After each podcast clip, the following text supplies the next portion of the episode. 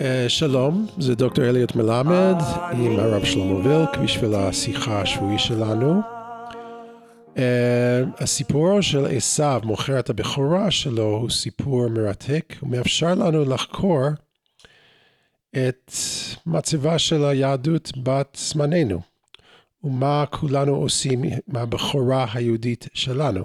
אז רציתי להתחיל עם משהו שהרב ריסקין אמר, פעם שהסיבה שעשו מכר את הבכורה שלו, שהוא קיים רק בזמן הווה.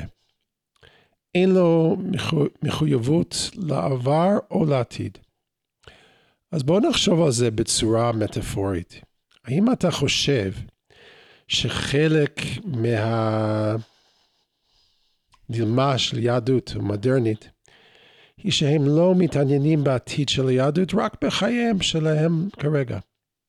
מצד שני, האם זהו גם לבקש מיהודים לשאת בנטל הבכורה, אם הם מעולם לא הרגישו שהם ירשו אותו מלכתחילה? טוב, קודם כל האמירה הזאת, ההשלכה שלך, להיות מהרב ריסקין לשאלה של ימינו, היא בעצם באופן די פשוט טוענת שהשאלה אם אנחנו לא עשו היום. כלומר, יהודים שוויתרו על הבכורה, אה, כי הם אה, אומרים אה, דיאם, כלומר בוא נמצה את הרגע, בוא נחיה בתוכו ועזוב אותך עבר, עתיד, גורל, ייעוד, לא מעניין אותנו. ואנחנו רוצים, עכשיו זה לא אקזיסטנציאליזם במובן הזה שרק ההווה נמצא, אלא שעבר ועתיד ייקבעו לפי מה שאנחנו עושים היום. כלומר, לא מדובר על יהדות אה, שבעה שלא עושה שום דבר. הרבה מהיהדות אה, עסוקה בתיקון עולם, וסבורה שכל מה שיש לפנינו זה רק הרגע הזה ואותו צריך לתקן. אז לכן כשהרב אה, ריסקין דיבר על עשיו, ש... ויבז עשיו את הבכורה שאין לו מחויבות לעבר או לעתיד, האנלוגיה ליהודי העולם היום שהגורל והייעוד קצת נשכחו, וההווה נמצא, אבל זה לא הווה של נהנתנות ושובע, אלא בתוכו יש גם הרבה פעולה ותיקון. אז לכן האנלוגיה היא לא בדיוק פיירית, כן, היא לא הוגנת. עכשיו בואו בוא נראה, באמת זו שאלה גדולה מאוד. האם באמת הדילמה של היהדות המודרנית היא באמת להגיד אנחנו רוצים לוותר על ה"אתה בחרתנו" מכל העמים, ואהבת אותנו ורצית בנו. צריך לומר כמה דברים. קודם כל, חז"ל מתארים ואומרים שאנחנו האומה האחרונה מבין 70 אומות. ובאדום הלכו שבעה מלכים לפני מלוך מלך בישראל. כלומר, התנ"ך דואג לציין שאנחנו לא, אין לנו את הבכורה הטבעית. כלומר, אנחנו המעט מכל העמים, אנחנו אה, אולי השפענו הרבה מאוד וכולי, שמיד נדבר על זה, אבל עדיין יש מקום של אנחנו הבן הקטן ולא הגדול. ואז אם אנחנו, ואז השאלה היא אם קנינו את הבכורה, והרבה פעמים אה, אולי עשיו, יעקב קנה את הבכורה בשביל להוביל ובשביל להצמיח עם, אבל כמו שקורה תמיד, אה, במלוכה למשל, שהמלך הראשון שנבחר הוא מישהו שצמח מהעולם, צמח מההמון, והוא הופך להיות מלך, אז יש לו משמעות ויש לו פעולה. הבעיה היא מה קורה עם הבנים הבאים כבר, שהבכורה, הם לא קנו אותה, הם קיבלו אותה. כלומר, השאלה אם יש לך יותר מדי שנים תחושה של בכורה, האם אתה לא הופך לעשו. כן? זה באמת, ה... זה באמת מה שעומד מאחורי זה. ו... וזו באמת שאלה גדולה. לפני אה, יובל שנים כמעט כתב אה, שמואל שניצר שהיה העורך של העיתון מעריב. אה, זה יצא בספר שנקרא אבני יסוד, והוא כתב מאמר מערכת כנגד כמה מהאומנים בישראל שדיברו נגד האתה בחרתנו. ובהגדה של הקיבוצים הורידו את המשפטים הללו כי אנחנו רוצים להיות שווים בין שווים. כן, כלומר שולחן עגול וכל בני האדם שווים, אה, וזה, כולנו מכירים את זה גם אולי אפילו מאמנת פיטסבורג של, ה, של הרפורמים בארצות הברית כבר, שדיברו על זה שאנחנו, אה, כל הדתות המונותאיסטיות שרוצות בתיקון עולם, אז הם אמרו, כלומר דיברו על הנצרות והאסלאם, באסלאם חלקו לפחות יש לנו מחלוקת אם באמת הם עסוקים בתיקון עולם, אבל בכל אופן הם הרגישו שהם שווים לכולם. וההתמודדות עם השאלה הזאת, כי מצב של בכורה, כמו שאמרתי, הוא מצב מסוכן. הוא מצב, ולא בכדי, תמיד הקדוש ברוך הוא בוחר בבן השני ולא בבן הראשון. אמנם הבן הראשון מקבל כפול בירושה, אבל הקדוש ברוך הוא לא בחר את ראובן להיות נשיא העם היהודי, אלא את יהודה, יהודה אתה יודוך אחיך. הוא לא בחר את, אה, אני יודע, את, מבית משפחת ישי הוא בחר את דוד, שלא היה הגדול. אה, וכולי וכולי, אפשר להביא אה, הרבה הרבה מאוד דוגמאות לכך, שלמה המלך, דוד המלך, שאול, כולם לא נבחרו בגלל שהם בכורים, אלא בגלל סגולות ותכונות שיש להם, ולכן בכורה זה אכן דבר מסוכן. ואני יכול להבין יהודים שאומרים, די, תעזבו אותנו, כן? המאמר של שמואל שניצר נקרא כל האתה בחרתנו הזה, ושמואל שניצר מדבר על כך שאמריקאים חושבים שהם נולדו, אלוהים ברא את, את האומה האמריקאית לשלוט, כל צרפתי בטוח שהוא המציא את ההיסטוריה וכולי, ואמריקאים, יכול להיות שהם המציאו את, לא יודע מה, את חוק הנשק, והצרפתים את היין האדום. אה, אבל אה, העם היהודי, טוען שמואל שניצר, זה שקידם את ההיסטוריה באופן באמת חריג. זה שתמיד עמד בצמתים הגדולים של ההיסטוריה והצביע על הטוב וויתר על הטוב האישי שלו וויתר על ההתבוללות וכולי בהרבה מקרים והעדיף אה, לתקן עולם במלכות שדי והצלחנו. הדתות הגדולות צמחו מאיתנו, המונותאיזם המוסרי צמח מאיתנו, השבת, אה, זכויות אדם, הרבה הרבה מאוד דברים שוודאי יהודים השפיעו עליהם מאוד. ועכשיו השאלה, מה עושים עם השאלה הזאת של הבכורה, שאני חושב שהבעיה הגדולה של תחושת, נגיד מול אלו שאומרים, עזבו אותנו בבכורה, עזבו אותנו מבכורה ובבחירה, אתה בחרתנו, בחטא ובכף. הבעיה הגדולה נגיד, שאני מסתכל על יהודים במדינת ישראל שמסתכלים על עצמם כשמש העמים, ומסתכלים על עצמם כאילו הם יודעים מה, מה נכון, והם, אה, והם ילכו ויעשו דברים כנגד באמת כל מה שהעם היהודי רגיל אליו בגלל בכורה, אז אני תוהה לעצמי אולי עדיף, אה, אולי עדיף לפעמים שנוותר עליה. מצד שני, אני לא חושב שזה נכון. כלומר, אני חושב שבוא נגיד כך, כמו שהרב קוק אומר, it's too soon. כן, כמו שאמרו לפעמים, כש... יודע מה, מי זה היה, אה, אחד הסופרים האמריקאים או האנגלים, שאמר, the rumor about my death was, uh, כן, מרק טוויין שאמר, כן, שהשמועות אודות מותי היו מוקדמות מדי. אז השמועות אודות אה, אובדן בכורתו של העם היהודי היו מוקדמות מדי. והיום אנחנו עומדים במצב שאני אה, חושב ששוב, לא היום אנחנו עומדים. כלומר, אני, פעם אמר לי תלמיד, אמר לי חבר טוב, חילוני לגמרי, באמת לא, לא מאמין בכלל, הוא אמר לי, הסיבה היחידה שאני יכול להאמין באלוהים זה השואה. אמרתי לו, במשפחה שלי איבדו את האמונה בגלל השואה, מה זה? אז הוא אומר, תשמע, אתה מאמין שכשאלוהים ירד בסיני, הוא בחר בך. אני פחות מאמין בזה. אבל אני יודע שכשהשטן יורד לעולם, הוא גם בוחר בנו, אז כנראה שאנחנו עם בחירה. ואת זה אני יודע בהיסטוריה כבר, שהשטן בוחר בנו. אם אלוהים בחר בנו, אפשר להתווכח, היה מעמד הר סיני, לא היה מעמד הר סיני, כך הוא אמר. אבל זה שהשטן יורד לעולם, ואנחנו תמיד הכתובת הראשונה שלו, סימן שיש בנו משהו שהוא הבכורה. סימן שיש משהו של, שמוביל, ולכן תמיד מטרגטים אותנו, תמיד מסמנים אותנו ואומרים, אתה בחרתנו מכל העמים. השטן לא אמר אהבת אותנו, כן, אבל הוא רצה בנו, והוא רצה בנו בדיוק כמו שהחמאס עכשיו, בדיוק כשהעולם, באמת האנטישמיות הייתה, כמו שהרב הלל צייטלין אמר בזמנו, הייתה קנאה. הייתה איזו הבנה שהעולם היה רע, והרוע תמיד מחפש את הטוב, ואנחנו אלו שעמדנו בקצה של הטוב, עמדנו באלו שהובילו את ההיסטוריה. אז לכן אה, אני אומר, אני מבין את, ה, אני מבין את הבעיה של בכורה, אני מבין את, ה, את ה, אה, התחושה הזאת שאם, שאם אה, נוותר עליה, אז אולי נהיה קצת עם יותר ענווה, ואפשר יהיה יותר לדבר ופחות לריב. מצד שני, המחיר של הוויתור על הבכורה יהיה שהעולם בעיניי יהיה נטוש. העולם יהיה בלי יהודים. כן, יהודים שחיים ככל הגויים, וככל הגויים לא מעניין אותי להיות. כן, אני רוצה להיות בכור בין העמים, אבל בכור שיש לו אחריות על העולם, ולא גאווה והתנשאות על העולם, שזה האתגר הגדול. אז מה, המשמעות של עם נבחר שם, ש... הקדוש ברוך הוא בחר לנו בשביל מה? למות כזה, ומה שהוא אמר, שזה נגד ה... משהו שאנחנו מקבלים כל, כל הזמן, שמחר אנחנו עם נבחר בשביל להיות, uh, לא שלטון, אבל להורות לכל העולם. כן. תראה, דיברנו, אני חושב, באחד, ה, באחד ההסכתים שלנו, באחד הפודקאסטים שלנו, אמ, אמרתי שאנחנו, יש לנו תחושה אה, של העם היהודי, לא של קורבנות, לא של אה, שאנחנו קורבנות, אבל שאנחנו העם הנרדף ביותר בהיסטוריה.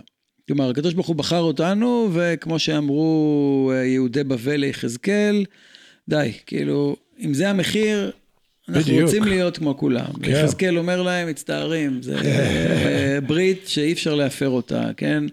אה, בי נשבעתי נאום השם, כן? אתם רוצים להגיד, אה, נהיה כאבן, כמשפחות האדמה, בי נשבעתי נאום השם, אה, כי בחמאה שפוכה ובקצף גדול אמלוך עליכם. כלומר, אי אפשר לברוח מהבחירה הזאת. עכשיו, השאלה, מה המטרה שלה? עכשיו, אז אומרים, בסוף המחירים כבדים. ואני טוען שזה לא כך. כלומר, יש פה תרבות שאני, אני, דיבר, כשדיברנו בעבר, אמרתי שעמים שלמים אה, נכחדו בהיסטוריה, אנחנו לא הקורבנות האולטימטיביים תמיד. כלומר, כשנבוכדנצר, או טיטוס, או, או היטלר, או מי שלא יהיה, הוא השמיד אה, המון המון עמים, המון המון, כל אחד מהם הרג הרבה מאוד חוץ מאיתנו. אם במלחמת העולם השנייה נהרגו אותו מספר פולנים, נרצחו על ידי היטלר, אני חושב, לא יודע אם אותו מספר, אבל לא חשוב כבר, לא צריך לספור גולגלות, וצוענים מתו וכולם מתו. ו... אז המטרה, המטרה הייתה גם אנחנו, אבל תמיד יחד איתנו היו עוד הרבה עמים ולאומים ש, שנעלמו. אנחנו היחידים ששרדנו. כלומר, אנחנו לא העם הכי נרדף בהיסטוריה, אלא העם שניצל הכי הרבה בהיסטוריה בשביל לפגוש עוד פוגרום ועוד בעיה. ולהבדיל, אם אתה הולך, אה, אם, אם היית בברלין ואתה רואה נגיד את ההשפעה, או בפולין, הולכים לאושוויץ או הולכים ל...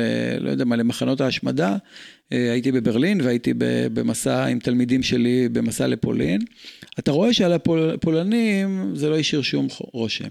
כלומר, הם המשיכו הלאה. הצוענים, יש מונומנט אחד של זיכרון בברלין לרצח הצוענים. רוב הצוענים שאני מכיר, שככה יצא לי להיפגש איתם ברומניה, בהונגריה, בצרפת, בפולין, בכל מיני מקומות, בגרמניה, הם לא כל כך מכירים את הסיפור. כלומר, זה פחות השאיר חותם על ההיסטוריה של הצוענים, או כל היסטוריה אחרת, ואצלנו זה רשום בעצמות שלנו. זה חקוק בתוך התודעה שלנו, אנחנו פועלים, כלומר, ה-never again הזה, הוא לא never again שאנחנו לא נהיה עוד פעם קורבנות, אלא שאנחנו נמשיך להילחם על הטוב שבעולם. ולכן, אני חושב שבמובן הזה, הזיכרון הזה, שאנחנו, עלינו ניטל, קראת לזה נטל הבכורה. כן, ה-burden of, of, of birthright, אה, בלשון שאתה אמרת לי קודם. וה-birthright פירושו שיש לך אחריות, יש לך זכות. והזכות הזאת היא לא זכות במובן של המושג מושג, מושג שהיום זה זכויות, הכוונה היא תן לי, תן לי. כן, זכות, זכות בעברית זה גם merit, לא רק... uh, uh, מה שאני זכאי לו, כאילו, כן, אלא, אלא להיות... Uh, להיות בעל זכויות. מילה מעניינת. ומה? מילה מעניינת, כן, שזה כן, אותו, כן, כן. שני המשמעות. וה... אז, אז אפשר להבין שה-right is to have a merit, כן? כן. שהזכות היא, היא, היא להשיג זכויות בעולם. במובן הזה אני חושב שעולם בלי יהודים ש, שמקדמים את העולם, שעומדים בראש העולם המערבי היום במלחמה ברוע, בסדר, אז יש הרבה אנשים בעולם שחושבים אחרת, זו, אז הם חושבים אחרת וזה חבל, וצריך uh, את חלקם להשמיד, uh, כל אלו ש... ואת השאר לחנך, ואת השאר להוביל, כמו שעשינו תמיד, גם במחיר של, של פחד ושנאה ואזהרות מסע וכולי וכולי. כן. אז בואו נדבר על עשיו. בסוף פרק כ"ה כתוב, ויעקב נתן לעשיו לחם ונוזיד, עדשים, ויאכל וישת ויקם וילך וייבז עשיו את הבכורה. מעניין לי המילה וייבז. אני חושב שזה פסוק מאוד מעניין. ברגע שהוא מילא את בטנו, הוא נגאל מהבכורה שלו. אז מה לדעתך התורה מספרת לנו על הפסיכולוגיה של עשיו דרך הפסוק הזה? תראה, כמו ש... תראה, אני לא יודע. יש, אני מניח, הרבה מאוד פרשנויות לשאלה הזאת. אה, מה בדיוק קרה בין יעקב לעשו ומה פירוש ויבז עשו את הבכורה. עכשיו, צריך אה, לדבר רגע על הבכור של העולם העתיק. אז כמו שאמרתי, נגיד אה, כשהקדוש ברוך הוא בוחר את, את הבל על פני קין, ממש בהתחלה, קין הוא הבכור, והקדוש ברוך הוא בוחר בהבל. ובשאר המקרים שהזכרתי קודם, את יהודה ואת המלכים, ובכל צמתי הבחירה, למעט אולי אברהם אבינו, שכנראה היה באמת בכור, כן, אבל אברהם אבינו, הוא בוחר בקדוש ברוך הוא לפי המדרשים עוד לפני שהקדוש ברוך הוא בוחר בו. וה... אבל השאר היו תמיד, כן, אה, היה את, את, את אה, הבנים של נוח נגיד, כן, אז השם הוא לא הבכור כנראה. ו... אז למה יעקב היה צריך לקנות את הבכורה? הרי הקדוש ברוך הוא מעדיף את השני ולא את הראשון.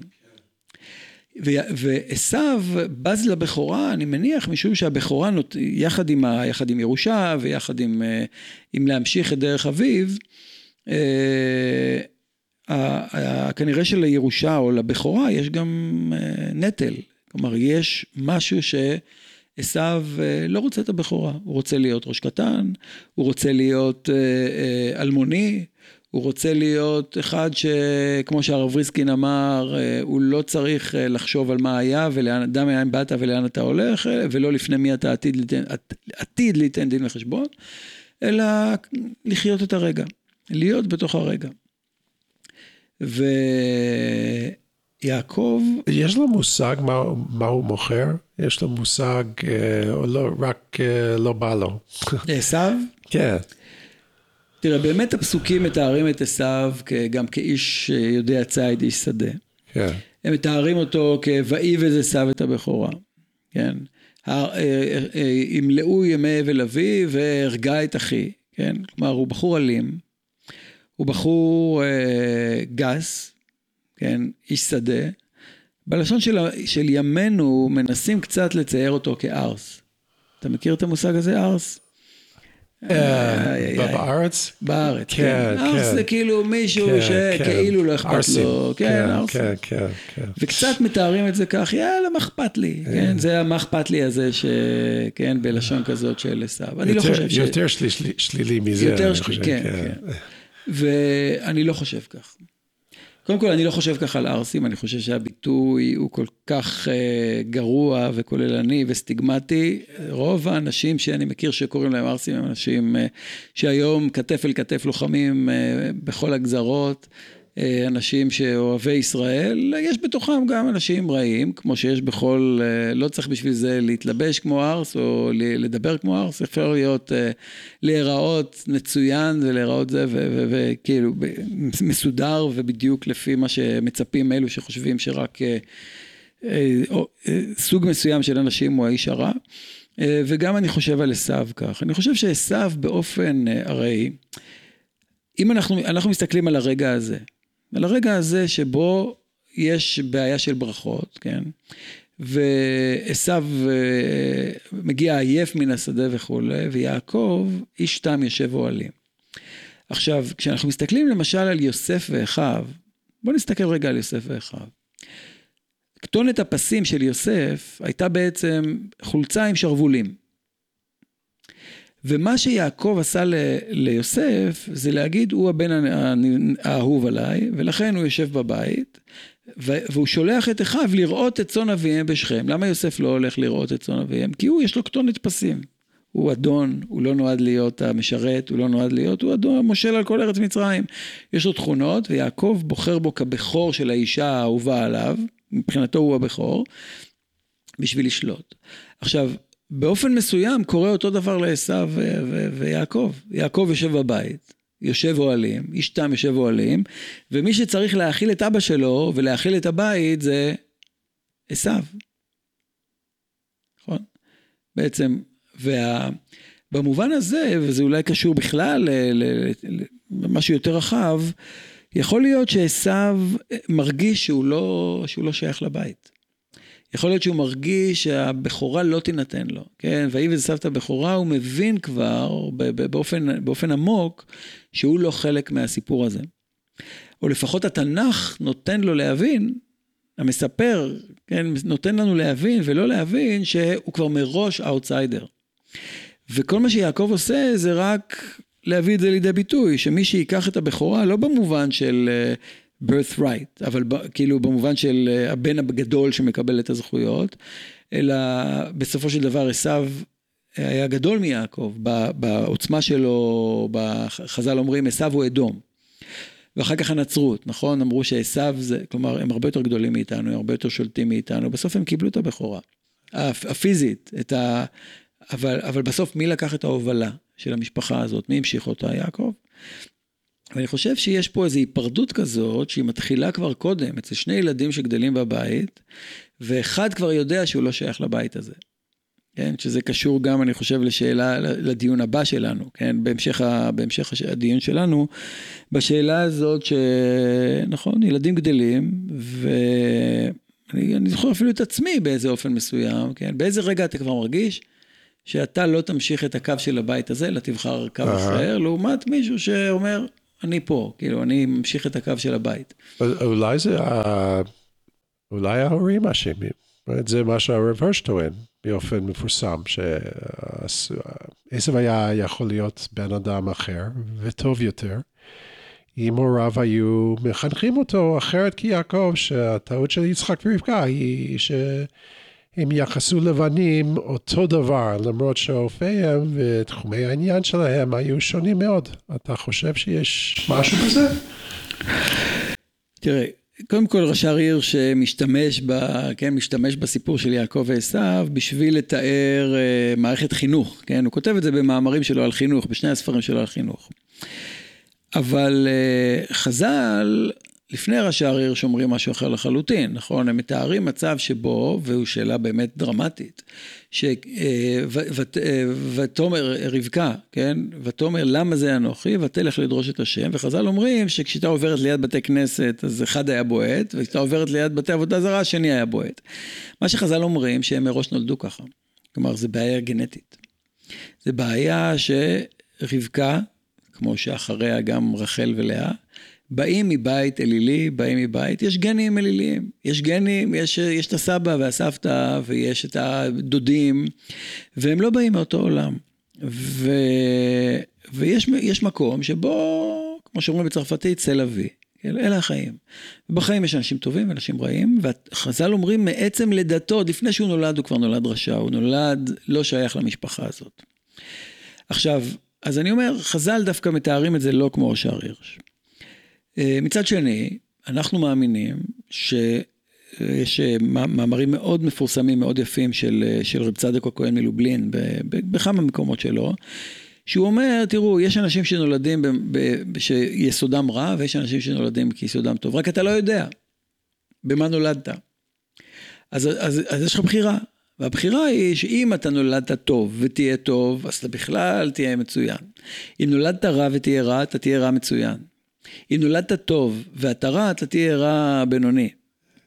אם נולדת רע והחלטת להיות טוב, אז אמנם אתה תהיה, תהיה טוב בינוני, אבל בגלל שמאיפה באת, הטוב שלך יהיה הרבה יותר גדול. אז ממילא הרש"ר, הרב צדוק, כן, מתאר את זה ואומר, תראו, בסוף יש בחירה.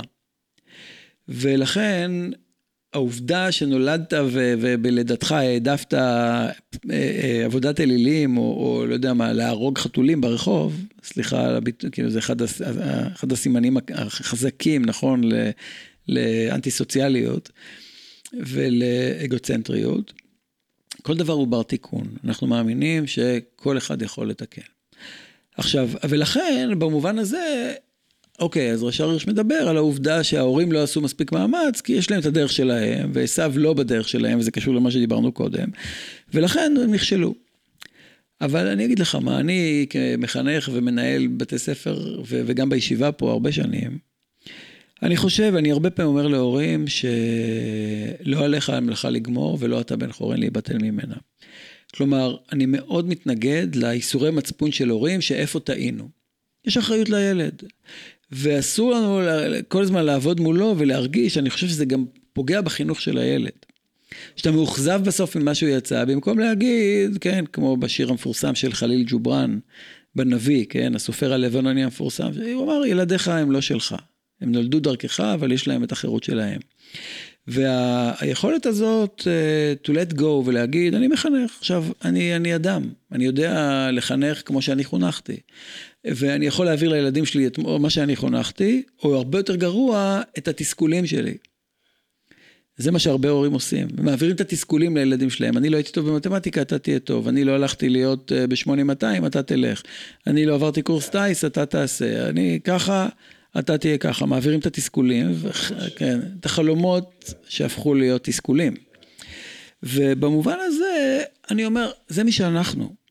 כן? ואני לא יכול להסתובב בעולם כל הזמן ולהגיד איפה טעיתי ולחפש איזה מנואלס כאלו, אה, כאילו הוראות הפעלה, איך מחנכים את הילד שאני לא יודע לחנך, לא יודע, כאילו אני עושה מאמצים, אנחנו כולנו עושים מאמצים, אנחנו אה, משתדלים, אנחנו מעבירים את התסכולים, וצריך גם לומר לילדים את זה, כן? כלומר, התפיסה הזאת, כאילו ההורים נכשלו, כן, ויגדלו הנערים במאמר של רש"ר הירש, אני, אני חושב שהעיקרון נכון, אבל צריך מאוד מאוד מאוד להיזהר מהטלת הכישלון על ההורים. יש אחריות להורים, כישלונות, בסדר, כאילו, זה רק, ברגע שההורים מרגישים כישלון, אז הילד הוא כישלון, ואז החינוך נהיה הרבה יותר גרוע.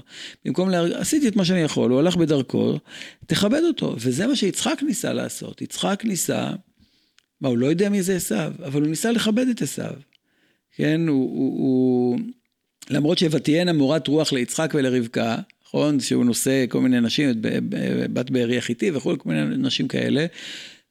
רבקה היא זאת שמרחיקה אותו, ויעקב רוצה, אה, יצחק רוצה לקרב את הבן הזה ולהגיד, אוקיי, זה לא החינוך שאני קיבלתי מבית אבא, אבל אם זה מה שאתה רוצה, אז אני אברך גם אותך.